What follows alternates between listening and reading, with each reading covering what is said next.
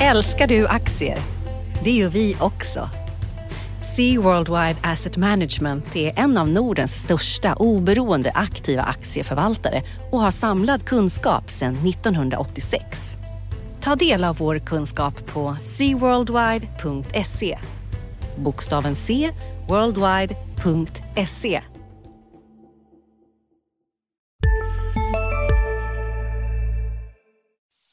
Som prenumerant på Dagens Industri får du tillgång till börsanalyser i världsklass. Följ frågorna som berör, lyfter och fördjupar. Bli prenumerant idag på di.se podderbjudande. Är du controller och vill få överblick över trender och utveckling? Vill du ta del av praktiska erfarenheter och inspiration från andra bolag? Vill du träffa kollegor, nätverka och utbyta erfarenheter? Förra året samlade vi över 170 controllers som tyckte konferensen var inspirerande, underhållande, tänkvärd och motiverande till stordåd. Välkommen till Dagens Industris konferens Controller 2019 den 19 mars på Grand Hotel i Stockholm. Anmäl dig idag på di.se konferens. Analyspodden från Dagens Industri. Hej och välkommen till Analyspodden. Idag i studion är det jag, Johan Wendel, analytiker och reporter på Dagens Industri. Med mig har jag Magnus Dagel, analytiker på tidningen. Välkommen Magnus. Tack så mycket. Tack. Och det är fredag förmiddag när vi spelar in den här podden. Precis när vi går in i studion här så är OMXPI, Stockholmsbörsens breda index, ner med 0,8 procent. Under natten har vi haft eh, och morgonen har vi haft börsfall i Kina där Shanghai-börsen var ner 4,5 procent efter risiga exportsiffror eh, för Kina. Eh, vi har eh, ECB som tidigare i veckan meddelade att de skjuter på räntehöjningen till 2020 och man ska ge nya sådana här eh, jumbolån till bankerna för att stimulera tillväxten. Överlag verkar det vara ganska skrala tillväxtutsikter i Europa och eh, det här får ju konsekvenser för Riksbanken eftersom ECBs uppskjutning av eh, räntehöjningen gör det svårare för Riksbanken att höja och då ser vi också här en försvagning av kronan gentemot dollarn.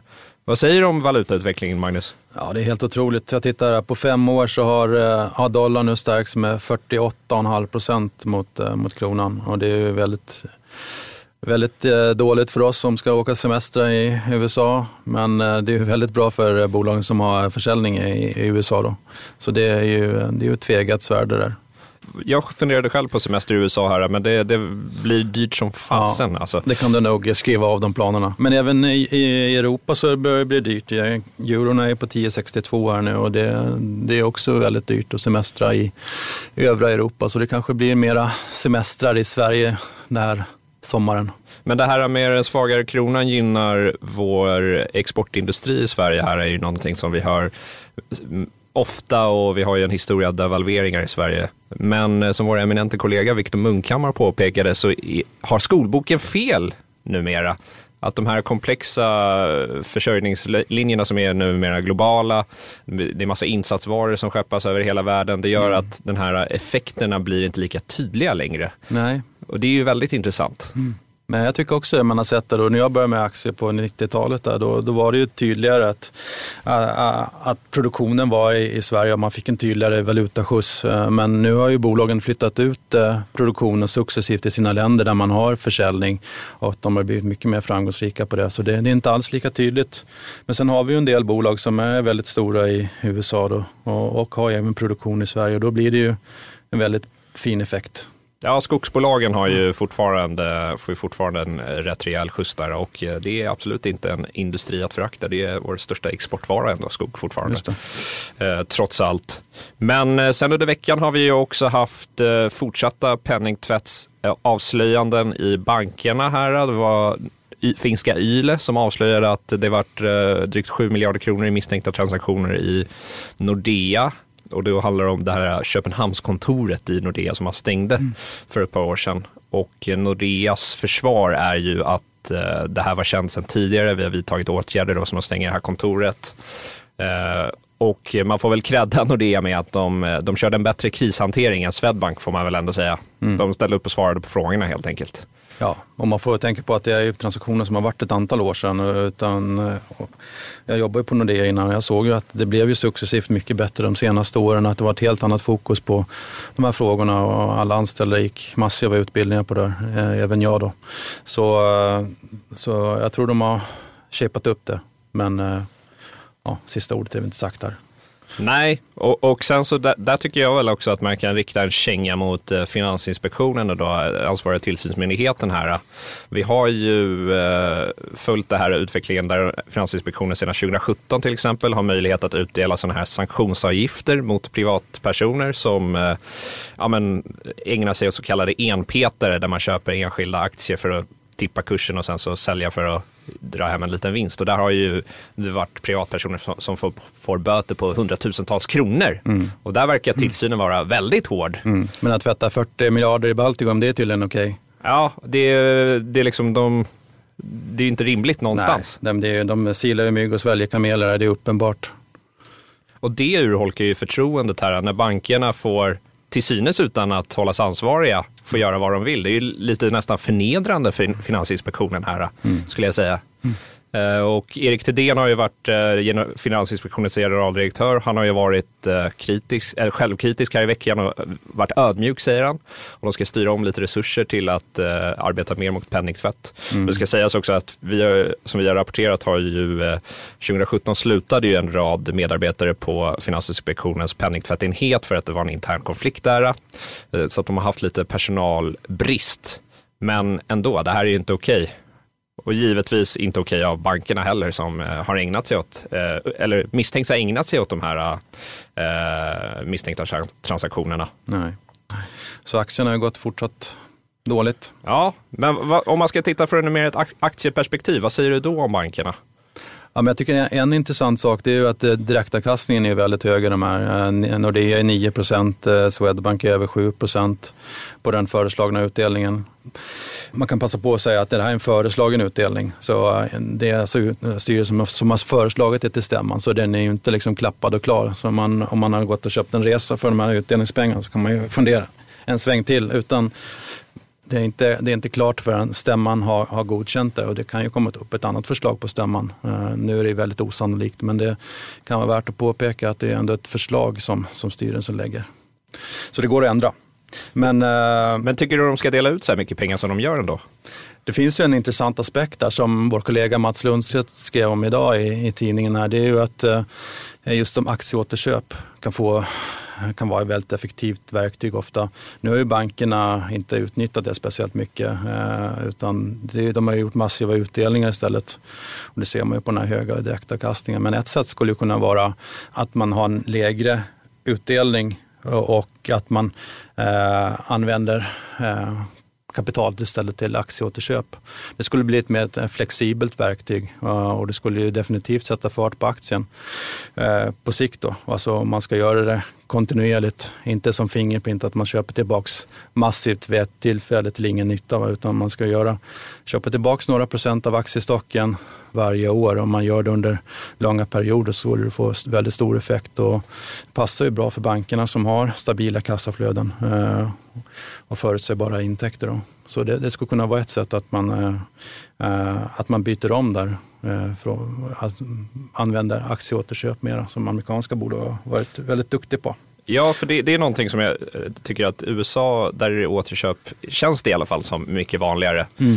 Eh, men där har det faktiskt varit en debatt nu där eh, Demokraterna då har haft flera utspel om att man ska förbjuda aktieåterköp faktiskt. Mm. Och det är ju egentligen bara ett sätt att lämna åter pengar till ägarna som mm. man, man tror att ägarna kan få bättre avkastning för dem helt mm. enkelt. Ja. Men ja, det ger ju en återköp ger ju också en signal om att liksom styrelsen och ledningen tror på, på bolaget. Så i de här fallen när aktierna rasat kraftigt då i Swedbank och även Nordea skulle det vara en, en, signal från styrelsen att man tror på, på aktien och att, att man tycker att värderingen är låg. Eh, så, så, man har en ökad flexibilitet där då. Och det är också lättare att, att, att ställa in ett aktieåterköpsprogram eh, än att dra ner eller ställa in utdelningen. Så det är också en annan aspekt. Då. Vad tycker du om H&M's den här som de fick skrota, den här DRIP, Dividend Reinvestment? Ja, script, dividend. Script dividend, det är ju vanligt i USA, fast där sker det automatiskt, alltså att banker eh, återinvesterar den här utdelningen eh, som, som görs. Det görs ju inte med nytryckta aktier då, som H&M skulle göra, utan det där är ju alltså befintliga aktier. Som, men det är väldigt stort där, utan det är ofta en bank som sköter då, eh, återinvesteringen av, av utdelningen och det blir ett effektivt instrument över tiden. Om man sitter på aktier över långa perioder så återinvesteras aktierna automatiskt, eller utdelningen automatiskt. Då. Det... Vi ska bara förtydliga här med att H&M hade ju ett förslag för, var det våren 2017? Ja, förra året, ja precis. Ja, och, mm. och då var planen att man skulle avstå utdelningen och istället få utdelningen i nya aktier så att mm. säga. Mm. Och, nytryckta ja. ja nytryckta mm. aktier. Mm. Och det krävs ju inget geni för att förstå att det där hade nog gett uh, Stefan Persson lite bättre ägarandel i mm. H&M. Precis, det blir ju inte så då. Nej. Men det kanske kommer någon annat bolag, gör en automatisk eh, återköps eh, eller utdelningsåterinvestering. Eh, får väl se om det kanske kommer i Sverige också, som i USA. Ja, vi, vi får se. Jag tänkte, ska vi fortsätta på tema USA här lite? Du har ju skrivit lite om Amazon och deras eh, kassaflöde. Ja, det är ett väldigt intressant bolag. Eh, jag tror många tittar på Amazon och ser man att P talen är väldigt, väldigt höga. Det, har det har väl legat på snitt 150. Jeff Bezos har nästan gjort en sport av att inte göra några vinster över tiden där. Utan, men tittar man närmare på det här så är det en, det är en kassaflödesmaskin utan dess like som man har skapat. En orsak där är att, att man hela tiden eh, eh, får betalt snabbare av, eh, av kunderna då, när de betalar in, än att så skjuter man på betalningen till sina leverantörer. Då. Utan, eh, det är jobbigt för de som levererar till Amazon. Det är ju snitttid på över 90 dagar innan man får, får betalt. Då. Men för, för kassaflödet i Amazon har det blivit eh, fantastiskt. Och det har gjort att eh, de inte behöver ta in något externt kapital för den här tillväxtresan. Då. Man har nästan tiodubblat eh, försäljningen de senaste tio åren. Så det har, blivit, eh, det har man gjort då, genom att bara öka antalet utstående aktier lite grann och eh, öka skuldsättningen. Då. Men man har gjort det genom att eh, få in förskottskapital, då, vilket varit väldigt effektivt. Då. Så, så, vad säger du om aktien? För vi har ju pratat lite om Amazon ja. och mitt intryck har varit att du har varit rätt skeptisk till aktien. Ja, jag har väl nog kanske missat lite grann. Eh, man har tittat för mycket på vinster och nettovinster och då har den varit väldigt högt värderad och är så fortfarande. Jag tror det är ett P tal på 80. Men, men tittar man på det fria kassaflödet och tittar på något år bortåt här så, eh, så är det inte alls lika dyrt då, utan det handlas kanske på 20 gånger, 22 tror jag, gånger fria kassaflödet eh, ett eller två år bort. Då. Så det kan vara bra att ha i bakhuvudet. Ja, och mitt, min, de tillåts ju bygga ett ganska monopolistiskt eh, mm. ekosystem här, mm. Amazon. Utan att... Har du också valt att bli egen? Då är det viktigt att skaffa en bra företagsförsäkring. Hos oss är alla småföretag stora och inga frågor för små. Swedeas företagsförsäkring är anpassad för mindre företag och täcker även sånt som din hemförsäkring inte täcker. Gå in på swedea.se företag och jämför själv. Just nu pågår vår stora season sale med fantastiska priser på möbler och inredning. Passa på att fynda till hemmets alla rum, inne som ute, senast den 6 maj. Gör dig redo för sommar. Välkommen till Mio. Att amerikanska myndigheter, framförallt i USA då, utan att myndigheterna ingriper. Mm. Och eh, de skulle säkert kanske ha rätt goda möjligheter att ja, men höja sina priser och eh, mm. gå rejält mycket mer med vinst kanske. Men mm. det skulle ju ske på, till priset av eh, minskad tillväxt och där tror jag att de eh, gör den bedömningen att det inte är värt det mm. än så länge. Nej, Nej det är ju, så är det ju. Och jag såg att någon analys som sa att de skulle stå för 12 procent av den amerikanska detaljhandeln om två år. Själva alltså. 12 procent för ett bolag ska stå för ja, så, så, så stor andel av, av detaljhandeln. Och det, det kommer ju förmodligen ja, myndigheterna titta närmare på om man verkligen kommer tillåta det i längden, att det blir ett bolag har en dominerande ställning. Då. Ja. I början på 1900-talet så bröt man ju upp Standard Oil då, eh, för, att fick en alltför dominerande ställning. Då hade de för, förvisso nästan två tredjedelar av oljemarknaden, då, men det, så där är ju inte Amazon riktigt än. Då. Men äh, Standard Oil kontrollerar ju hela kedjan, allt från ta upp oljan till distributionen till bensinmackarna. Så det tillåter ju inte myndigheterna i längden. Där. Och Standard Oil lever vi vidare idag. Det är väl Exxon Mobil är ett av Ja. ja. kvarlevorna. Sen- Chevron är en annan. Chevron. Mm. Och Rockefeller-stiftelserna lever fortfarande vidare. Då. Ja, men vi ska ju peka på att Amazon är inte den enda som har den här äh, monopolistiska ställningen. Alltså Google och Facebook eh, till exempel tillåts ju ha den här ställningen också. Eh, Men om man ska tänka tillbaka också, så de här aktierna då har ju väldigt hög värdering. Men om man går tillbaka till, säg 70-60-talet eller 70-80-talet, så om man tittar på till exempel McDonalds, som ju länge var en väldigt fin investering, den var ju också väldigt högt värderad. Sen drog ju, drogs ju den med den här Nifty Just det, 50-yran precis, under ja. början av 70-talet också. Ja, precis. Slutet av 60-talet, ja. Precis. Det blev helt galna värderingar de där eh, aktierna man skulle ha för evigt. Ja, det var ju... eh, McDonalds var väl nästan en fastighetsinvestering. Ja, precis. Ja, ja. IBM var en annan.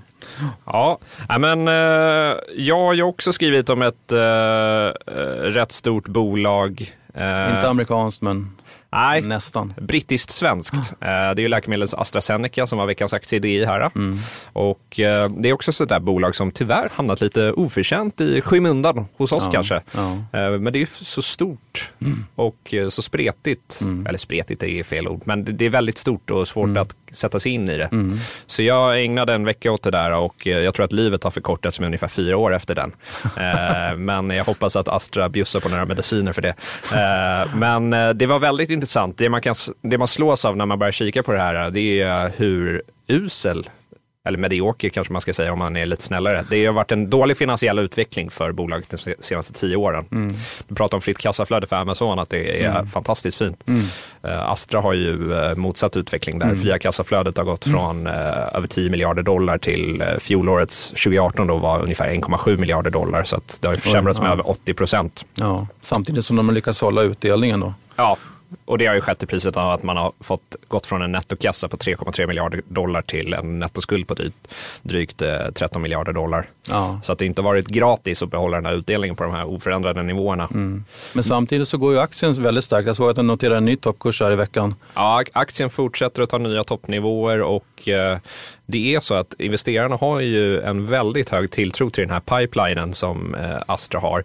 Och det ska sägas det att Big Pharma då, som är de här största läkemedelsbolagen i världen, där är tillväxten eh, och vinsttillväxten, alltså försäljning och vinsttillväxt är rätt skral överlag. Och där har ju då Astra sålt in sig som att vi, är, vi har en bra pipeline med nya produkter här. De pekar själva ut drygt 10 produkter som kommer mm. driva tillväxten här framöver.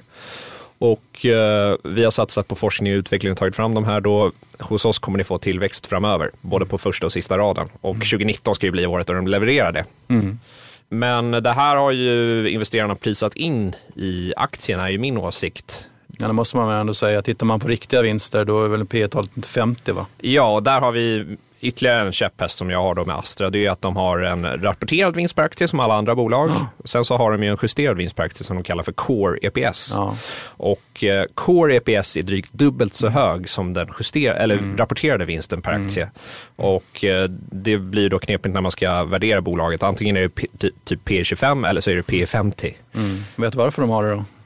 Ja, men det är för att de vill få en så hög aktiekurs som möjligt. Ja, det är för att det är ett brittiskt bolag. Va? De har en, en kran för kallt vatten och en för varmt vatten.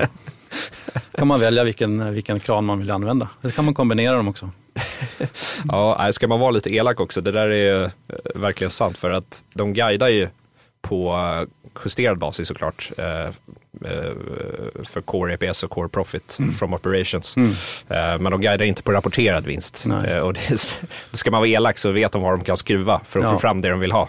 Och det är i stort sett omöjligt att hitta vad, vad de justerar för. Det får man hitta med en not nere på sidan 163 i årsredovisning. Va? Ja, och eh, så de justerar bland annat för eh, avskrivningar, eh, det är eh, olika förvärvskostnader som de har och så vidare. och så vidare. Som man också kan styra över. Man kan, man kan anta vilka avskrivningstider man har och så vidare. Exakt. Och, men det, det blir lite kul när man börjar läsa de där noterna i Astras årsredovisning, för då skriver bolaget självt så här att eh, läsare av årsredovisningen ska vara medveten om att vi kan inte nå upp till det justerade resultatet utan att ta några av kostnaderna som vi exkluderar för. Vilket blir ett ganska absurt resonemang i mina, mina ögon. Men uppenbarligen så investerarna köper det här fullt ut och de, aktien tar ju bara nya toppnivåer varje dag. Vi får Ja. se här, för jag rekommenderade ju sälj på den här aktien, så vi får se om jag får rätt eller fel. Men Ja. ibland måste man våga ha en eh, åsikt. Ja, men det, det, det är ju väldigt, väldigt viktigt att, att liksom poängtera det, att det är två olika resultatmått. Och, men när Warren Buffetts årsredovisning, Berkshire Hathaway, kommer häromveckan och han skriver alltid upp sina kriterier, vad han vill se på bolag som ska höra av sig till honom. Och det är aldrig, aldrig några prognoser han vill ha från framtiden. Det är alltid faktiska vinster, eh, faktiska kassaflöden som har genererats. Mm, prognoser är helt meningslösa på hans del och aldrig några justerade vinster, utan det är vad man har levererat som är det viktiga historiskt. Ja, och han har ju ett helt okej facit får jag ändå säga. Warren. Eh, jag, jag såg någon intervju med honom eh, som var från i fjol eh, i höstas när de firade tioårsjubileet av, eller firade är fel ord, men tioårsjubileet av Lehman Brothers. Och eh, då sa han det, för han fick ju erbjudande om att investera i Lehman Brothers, Warren Buffett. Och då sa han det i intervjun att eh, ja, jag fick en sån här 10K då, årsredovisning från Lehman där, som de gav mig som, och skulle sälja in sig själva. Och han sa, jag satte mig med den där och eh, efter drygt någon timme så hade jag fullt av anteckningar på den och insåg att jag kommer inte investera i Lehman. Och han hade fortfarande kvar årsredovisningen, det var Ja. kul. Men han köpte ju Goldman Sachs istället. Ja, Ja, och det fick väldigt en- bra villkor. Ja, ja, ja precis. Med, med en sån här konvertibel preferensaktie då, som man kunde konvertera till, till, till stamaktier. Men jag har för mig att han själv har sagt att han ångrar att han inte köpte in sig i JP Morgan. Mm. Kanske är så ja. ja. För efter krisen tror jag JP Morgan har varit en bättre investering än Goldman faktiskt. Okej, ja. Men man ska inte gråta över spilld mjölk. Nej, verkligen inte. Jag tänkte vi skulle avsluta med, för jag har också skrivit i veckan här om eh, verkstadsbolagen här. Nu, eh, jag varnade lite för att de var lite högt värderade och eh, när man ser konjunkturtecknarna som finns i, vä- i världen, framförallt är det ju då Europa som saktar in där. Italien befinner sig i teknisk rece- recession efter två kvartal med sjunkande BNP. Tyskland verkar stå still och Tyskland står i sin tur still troligen av att det går så dåligt i Kina. Eh, Det är ett viktigt exportland för Tyskland och resten av Europa också. Och det är fordonsindustrin bland annat som tynger. Och det här såg vi i veckan när eh, tyska industrikoncernen Schaeffler, som är lite av en SKF-konkurrent, de slopade sitt eh, lönsamhetsmål här för 2020. De skulle nå en ebit-marginal på 12-13 procent. Så, och det sänkte ju sentimentet i verkstadssektorn en del. Och eh, överlag känns tecknen som kommer från Kina känns ju inte så bra. Tidigare i veckan så sänkte de ju sin eh, BNP-prognos för 2019 från drygt 6,5 procent var det ju 2018. Nu ska man istället nå 6 till 6,5 procent för 2019. Och utfall i nedre del av det spannet är ju den lägsta tillväxttakten på tre decennier. Och sen ska vi säga det att de här officiella tillväxtsiffrorna som vi får från den kinesiska staten, där är det en del luft i de här siffrorna. Nyckelfrågan är Det säger i varje fall experter. Ja, nyckelfrågan är hur mycket luft det är. Mm. Eh, och det är det som är det svåra att avgöra. Men det har gjort att vinstprognoserna har justerats ner generellt för Ja, industribolagen va? exakt. Nu har ju börsen gått ner. Sedan i onsdags är det väl den började falla. Mm. Men innan dess så har ju, eh, då, som du säger, prognoserna har kapats, aktierna har gått upp Mm. Och eh, värderingarna har kommit upp med andra ord. Och Samtidigt gick det ner väldigt mycket innan årsskiftet där, tycker jag. Eh, Det gjorde det verkligen, men Ja, värderingen kommer ju tack vare prognossänkningarna nu Mm. och kursuppgången som har varit så har ju värderingarna i vissa fall av de här, Mm. eh, Atlas till exempel, har ju kommit över vad de var vid börstoppen då i oktober. Jaha, ja. Mm. Så att de återhämtade sig med råge. Och sen så är det vissa aktier som är lite mer högt värderade än andra. Mm. Alltså jag tycker ju att eh, ABB har en oförtjänt hög värdering på typ P 15-16 Mm. för 2019. Jag förstår inte varför de förtjänar en så hög premievärdering. Samtidigt ligger de bra positionerat i trender med roboti- robotisering, elektrifiering. Men De, li- de ligger absolut bra till, men eh, de har ju visat inte en förmåga att... kapitalisera på det. Ja, nej, de har ju inte exekverat för fem öre. Nej. Tyvärr. Eh, så att, eh, men verkstadsbolagen har hängt med lite neråt här under veckan när börsen har sänkts Mm. under senare delen av veckan här. Vi är ju ner drygt 2,5 procent sen senaste det. toppen. Kanske gick upp lite för mycket. Ja, jag tycker det. Eh, gick lite väl snabbt där. Samtidigt ändå- lite väl snabbt neråt där innan årsskiftet också. Ja, det är som aktiemarknaden är. Men vi är fortfarande upp drygt 10 procent i år för OMX, Mm. ska sägas. Ett bra börsår med andra år redan nu, Ja. om det står sig. Vad tror du att vi avslutar börsåret på? Ingen aning. Jag säger detsamma. Men det är omöjligt att säga. Men, eh, Meningslöst att hålla på och prognostisera det. Bättre att leta fina bolag att investera i. ska vi eh, avsluta med de orden? Ja, tycker jag. Då får vi tacka för att ni lyssnar och så får jag önska en trevlig helg. Ja. Tack och hej! Tack så mycket. Analyspodden från Dagens Industri.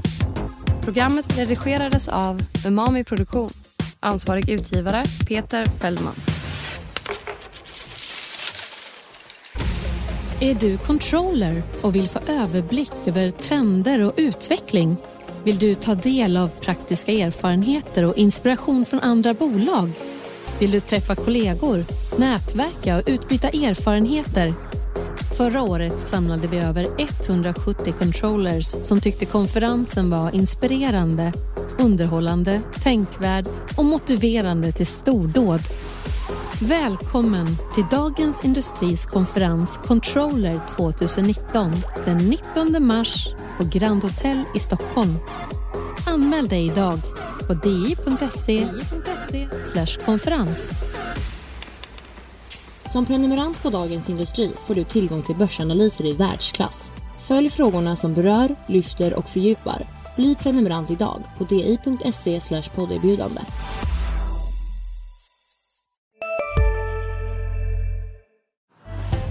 Älskar du aktier? Det gör vi också.